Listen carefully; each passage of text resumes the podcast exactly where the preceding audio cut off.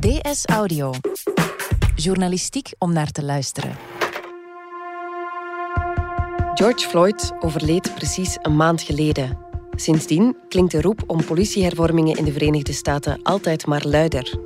In Camden, ooit een van de gevaarlijkste steden in de Verenigde Staten, zijn ze erin geslaagd om die korpsen te transformeren.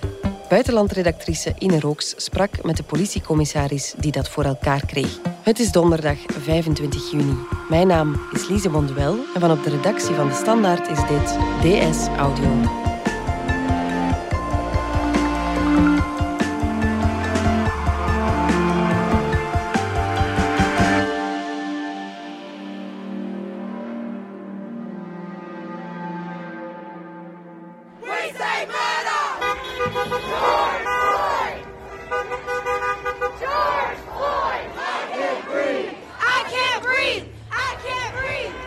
Exact één maand geleden overleed George Floyd in Minneapolis.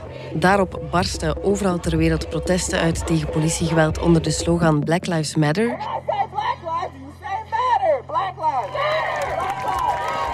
Ine Rooks, buitenlandsjournaliste. Je hebt onderzoek gedaan naar hoe de politiekorpsen in de Verenigde Staten zouden kunnen worden hervormd.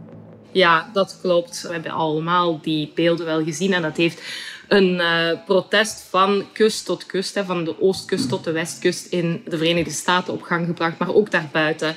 Um, het is geen nieuw probleem. We kennen ook al de namen van vroegere slachtoffers van politiegeweld. We weten wat de cijfers zijn. Um, nog altijd uh, een duizendtal Amerikanen sterven door politiegeweld in de Verenigde Staten elk jaar. En we weten ook dat minderheden tot uh, drie keer meer kans maken om te sterven door politiegeweld. Dus mensen zijn dat beu. Het is, uh, mm -hmm. het is genoeg geweest, zeggen heel veel betogers die op straat komen. Dus het was voor ons de aanleiding om eens te gaan kijken uh, naar ja, hoe kan dat dan beter? Hoe kan de politie in de Verenigde Staten specifiek hervormd worden? En wat zijn de voorstellen die nu op tafel liggen? Ja, en wat is het probleem nu eigenlijk bij die politiekorpsen? Ja, dat is een heel goede en ook moeilijke vraag om te beantwoorden. Want um, je kan natuurlijk niet alle politieagenten over dezelfde kam scheren. Heel veel politieagenten in de Verenigde Staten en ook daarbuiten doen hun job wel heel goed. Maar er zijn excessen, er zijn uitwassen. Uh, er zijn een heel aantal uh, problemen en daarvoor heb ik gesproken met Adolphus Belk en hij is een hoogleraar Afro-Amerikaans beleid. Hij heeft ook uh, al veel onderzoek gedaan naar de ordehandhaving in de Verenigde Staten. En hij somde een hele reeks problemen die hij ziet bij de Amerikaanse politie op. Um, hij zegt wat uh, we in Europa vaak over het hoofd zien of niet echt goed weten, is dat in Amerika het fenomeen van de warrior cop er echt wel is. Een beetje de politieagent als een soort krijger in oorlogsmodus. Volgens professor Belk is het feit dat het leger reservematerieel geeft aan de politiekorpsen, dus echt militair materieel, uh, speelt dat een rol bij het feit dat agenten zich dan een soort van strijder voelen in plaats van een ordehandhaver die de gemeenschap en die burgers bijstaat en beschermt. Dus ze zitten als het ware daardoor, volgens professor Belk, een beetje in oorlogsmodus. In this country we've had the rise of the warrior cop mentality. The warrior need, cop mentality. Right. Okay. We need fewer warrior cops and more public servants. Mm-hmm, mm-hmm. You know, this is supposed to be a helping profession. Hij zegt ook dat uh, de opleiding en de training over het algemeen, dus niet veralgemenend, maar grosso modo, is die lager en duurt die korter dan bij ons hier in Europa. Um, you know, Colin Kaepernick, the exiled NFL quarterback, when he first started doing his protest in 2016, said that in the United States, a person holding a curling iron has more training than a person holding a gun. In Minneapolis, heel concreet omdat George Floyd daar is om het leven gekomen, is er ook een onderzoek gebeurd naar waarom mensen precies naar de politie bellen, naar 911, het noodnummer. Mensen bellen in uh, erg veel gevallen naar de politie omdat er een, uh, een gezondheidscrisis is, een acuut gezondheidsprobleem, fysiek of mentaal. En dan worden agenten ter plaatse gestuurd die gewapend zijn en die eigenlijk uh, niet zijn opgeleid om met um, mentale gezondheidsproblemen en mensen die in een uh, psychische crisis zitten om te gaan. Dan krijg je meteen potentieel explosieve tot zeer gevaarlijke situaties. Dus dat zijn een aantal van de problemen die bij de politie in Amerika er diep in zitten. Mm. Kan eigenlijk iedereen politieagent worden in de Verenigde Staten? Dat hangt heel erg af van over welke staat je spreekt. Um, over het algemeen um, is er inderdaad geen uniforme opleiding op nationaal niveau. Dat is misschien een beetje vreemd, maar de staten, nogmaals, um, hebben heel veel macht op dat vlak. En politie is grotendeels lokaal, op het lokale niveau in de Verenigde Staten. Je hebt 18.000 verschillende politiekorpsen met uh, soms zelfs uh, verschillende regels, met machtige politievakbonden onderling. En al die zaken spelen op elkaar in. Dus uh, dat maakt ook hervormen natuurlijk lastig. En ik sprak voor dit onderzoek over politiehervormingen, over wat mogelijk is, lang met Scott Thompson. En hij was tot vorig jaar politiecommissaris in Camden, een stad in de staat New Jersey. This is Ina calling you from, from Belgium. Very nice to meet you, Ina. Very nice to meet you too, sir. Hij zei daar dat um, zij zelf bij de politie zelfs niet bij machten waren om te bepalen wie ze in dienst namen, dat dat uh, de staatsoverheid, dus de administratie van de staat New Jersey was, die bepaalde dat eigenlijk wie zich aanmeldt bij de politie en zegt ik wil graag agent worden en geen strafblad heeft, dat dat al voldoende was en dat dan die persoon, man of vrouw, bij de politie kon worden aangenomen. A lot of times in Canada mm. we've got the problem where civil service dictates who we hire. We don't have any say in it. And the person, as long as they don't have a criminal history, we have to hire them. And the problem is, they're not making that decision based upon what people have. They're making it based off of what people don't have. Je wordt niet aangenomen om wat je hebt, maar om wat je niet hebt. Namelijk, je hebt geen strafblad. En dat maakt het moeilijk om, uh, om ja, heel kwaliteitsvolle mensen te vinden.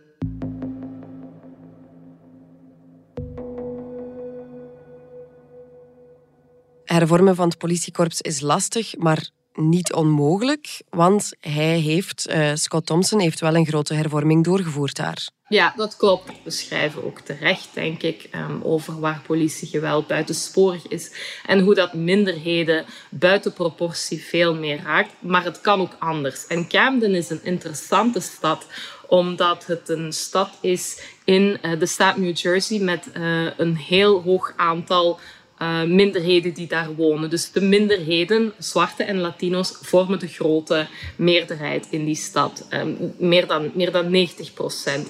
Het is een arme stad. Het was ook een gewelddadige stad. Je hebt er heel veel eenoudergezinnen. En het is ook een stad met historisch politiegeweld, vertelde um, de voormalige politiecommissaris. Maar dat is zo uh, in de jaren 60, 70 tijdens de burgerrechtenstrijd is het daar tot rassenrellen gekomen, was er politiegeweld en dat is ook dodelijk geweld geweest. Dus de reputatie van de politie in die stad was helemaal niet goed. De laatste jaren waren er ook veel problemen met stedelijke corruptie. Corruptie um, in um, het bestuur van de stad in Camden. Chief Thompson is elf jaar lang politiecommissaris in Camden geweest. Hij vertelde dat hij bijvoorbeeld in de eerste zes maanden heel hard heeft moeten opboksen tegen de zeer machtige politievakbonden in de Verenigde Staten, die erg vaak ook een deel van het probleem zijn omdat ze politiehervorming tegenhouden. My first six months as police chief in 2008, I had 100 grievances and eight lawsuits filed against me.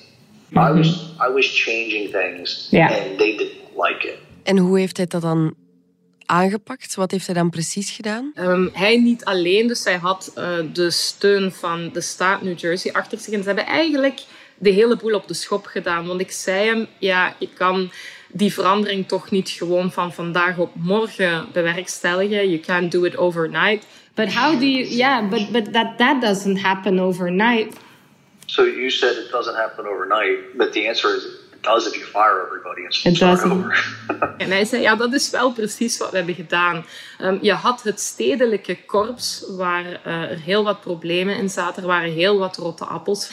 Iedereen is ontslagen. En uh, degene die expliciet zeiden dat ze geloofden in een verhaal van gemeenschapspolitie, van uh, naburige politie, van politie die ten dienste staat van de wijken, van de buurten en streeft naar een constructief contact met de bewoners. Wie daarachter stond, zich in dat idee kon vinden, kon terug aan boord komen van het uh, nieuwe politiekorps onder voorwaarden.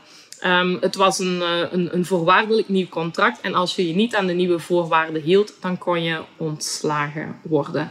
Verder heeft uh, de politiecommissaris heel hard aangedrongen op een aantal nieuwe regels. Wat ik heel boeiend vond, is dat hij bij die gemeenschapspolitie het idee had om de agenten uh, echt iets te maken dat het uniform dat zij droegen voor heel veel mensen in Camden historisch zeer beladen was en een heel negatieve connotatie had. Well, starting with the fact that we knew that we had very high levels of mistrust from our community, mm -hmm. we had to be extraordinary in our outreach.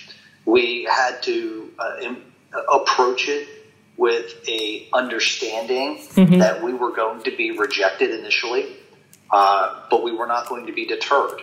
Uh, we trained our officers for them to, to understand and to have the emotional uh, maturity and intelligence to, to know that the uniform that they wore represented some really bad things to people. Zij zei, jullie moeten nu begrijpen dat jullie vanaf nu community police zijn, gemeenschapspolitie. Jullie zijn eerder een onderdeel van uh, de Peace Corps, dus van een soort vredeskorps. En vergeet die warrior mentaliteit, die mentaliteit van een oorlogskrijger. We moeten, om hier vooruitgang te boeken, terug het vertrouwen winnen van de gemeenschap die wij dienen. So, you know, um, essentially what I did was I just I stopped all the traditional tactics. And we started putting cops in uniform on street corners and told them, don't look to arrest anybody, don't look to do anything other than just be, be there, constant, visible presence, and be there. Yeah, yeah, yeah. Mm-hmm. The only way it's going to change is when that person that lives in that neighborhood experiences it. When yeah. they experience the officer not being over officious, not being a warrior actually trying to help. En ze zijn dan letterlijk van deur tot deur gegaan, een politieuniform aangetrokken en ze zijn op de deuren gaan kloppen om met de mensen te gaan praten. The order was cops went up and down the streets, they knocked on doors, they introduced themselves to people. Hmm. Uh, a lot of a lot of people when when the cop knocked on the door, they were scared to answer. They did they did they did not want to answer the wow. door to the police. Uh, but some people did. Um, and then word started to spread that we were being different. En welke gevolgen hebben zijn veranderingen gehad? Ja, het is op een, een kort aantal jaar, als je naar de statistieken kijkt, er, uh, ook het geweld is afgenomen. Uh, in eerste instantie zijn de, de klachten over politiegeweld met 95% afgenomen, vertelde de politiecommissaris mij. Het algemene vertrouwen in de politie is absoluut wel gestegen. Het is nog altijd geen modern utopia. Er blijven diepe problemen in Camden. Maar er is vooruitgang, er is progressie geboekt. Ook het aantal moorden zelfs van, van burgers, van criminelen, is afgenomen en toch wel snel. Um, in, in 2018 was er minder dan een derde van de moorden gepleegd dan, uh, dan in 2012, zes jaar eerder. En dat was dus allemaal tijdens het, uh, het, het, het, uh, het leiderschap van commissaris Thompson, die nu sinds vorig jaar met pensioen is gegaan bij de politie en daardoor ook veel vrijer erover kon praten.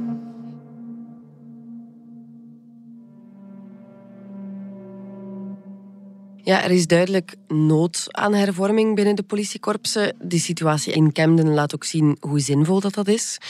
Maar hoe staat de politiek daar tegenover?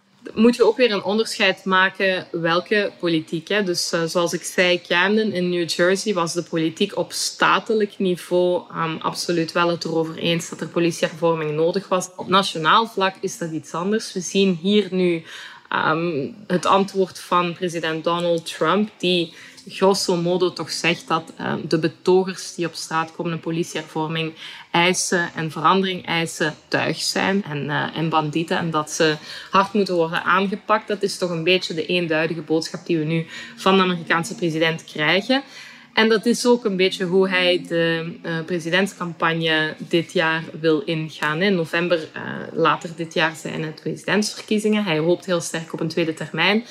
En hij wil zich heel sterk uh, opwerpen tegenover de Amerikanen als de president van de law and order. Right now, I think the nation needs law and order because you have a bad group of people out there, and they're using uh, George Floyd and they're using a lot of other people to try and do some bad things. And what we do, and I, we have it totally under control. Dus je kan je dan de vraag stellen: um, heeft Trump op dit moment misschien eerder baat bij chaos, bij geweld, bij opstand, waarbij hij zich kan tonen als degene die de orde zal herstellen? Eerder dat dan uh, bij constructieve voorstellen, bij constructieve actie of harmonie in de Verenigde Staten. I am your president of law and order and an ally of all peaceful protesters. Zijn voorganger uh, pakte het bijvoorbeeld anders aan. Hij is uh, met politiecommissaris Thompson in 2015 urenlang gaan praten. So in 2015, President Obama came to Camden. Hij heeft Camden bezocht om te kijken hoe het daar uh, beter kon en beter ging. And I spent a few hours with him and just, just him and I discussing American policing and how things need to change. After the George, George Floyd incident, President Obama wrote a letter. He actually mentioned Camden as a city that got it. But he also said that the responsibility for following through on this and some of the most important people in, in, the, in the equation of police reform are mayors and county administrators. En daar was uh, politiecommissaris Thompson het wel mee eens. Hij zei, echte politiehervorming, ja, het nationale niveau, de nationale politiek kan dingen doen, kan uh, geld vrijmaken, kan meer training vrijmaken en kan bijvoorbeeld technische ondersteuning uh, verzorgen, zoals politiecamera's. Maar het is uiteindelijk toch niet de nationale politiek die naar de lokale politiekorpsen kan gaan en zeggen we gaan de boel hier eventjes uh, recht trekken. En is er op nationaal niveau dan niks mogelijk? Ja, toch wel. Hè. Um, de president heeft uh, heel erg veel macht. Hij heeft een heel sterke executieve functie. Hij kan dingen initiëren, hij kan dingen op gang brengen en uh, in het congres kan dan aan verdere uh, progressieve wetgeving om, om te hervormen worden gewerkt. De democraten in het congres hebben ook een uh, voorstel, een ruim voorstel voor grondige politiehervorming voorgesteld. Daar zitten volgens politiecommissaris Thompson zeker goede punten in, maar hij gelooft toch sterker in een krachtig lokaal antwoord, in uh, een krachtig lokaal niveau van politiebestuur en in preventie. Um, probeer gewoon uh, in te zetten, zegt hij bijvoorbeeld, op betere training, betere opleiding. En, en in preventie, Thompson zegt, ja, het kan eigenlijk niet dat we in de Verenigde Staten nog altijd niet één nationale standaardopleiding hebben tot politieagent. Dat, dat bestaat er bijvoorbeeld niet. Yes, there, there should be a, a standardization for, for police training mm-hmm. nationally, and there is not. We weten, er is de Police Academy, maar dat varieert van staat tot staat. En uh, het, het hangt er dan maar vanaf waar je aan je opleiding begint, wat de voorwaarden zijn en hoe lang je getraind wordt voordat je op straat met een wapen wordt gestuurd. Wat hij ook in Camden deed, um, wat ik heel boeiend vond, was het toezicht op de agenten echt drastisch verhogen.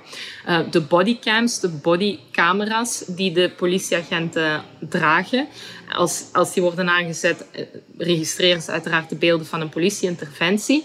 Telkens als uh, in Camden een politieagent een gewelddadige interventie doet, een geweld gebruikt bij zo'n politieoptreden, worden die beelden vier keer geanalyseerd door vier verschillende supervisors. Every time an officer uses force, there are four layers of review that happen within 24 to 48 hours. That is what you introduced in Camden. Four uh, layers of uh, overview after Yes. that. Wow. Yeah. Before, before the end of the shift, the first line supervisor and the commander both have to review and make a determination if what they saw was, was lawful Or not.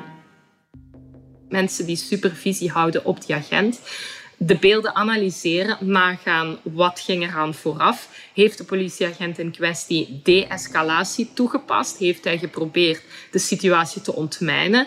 Of heeft hij het geweld uitgelokt? Bijvoorbeeld, het is niet voldoende, vertelde uh, Chief Thompson, dat we bijvoorbeeld op de beelden zien dat een politieagent uh, iemand slaat nadat hij zelf in het gezicht is geslagen. Nee, we moeten ook weten wat daaraan vooraf is gegaan. En we moeten zeker weten dat de politieagent het model van Camden, van onze stad, heeft toegepast om de situatie te ontmijnen, te proberen kalmeren in plaats van de situatie te laten escaleren en dan te reageren op geweld. You got to protect people from themselves. Ja. That's correct.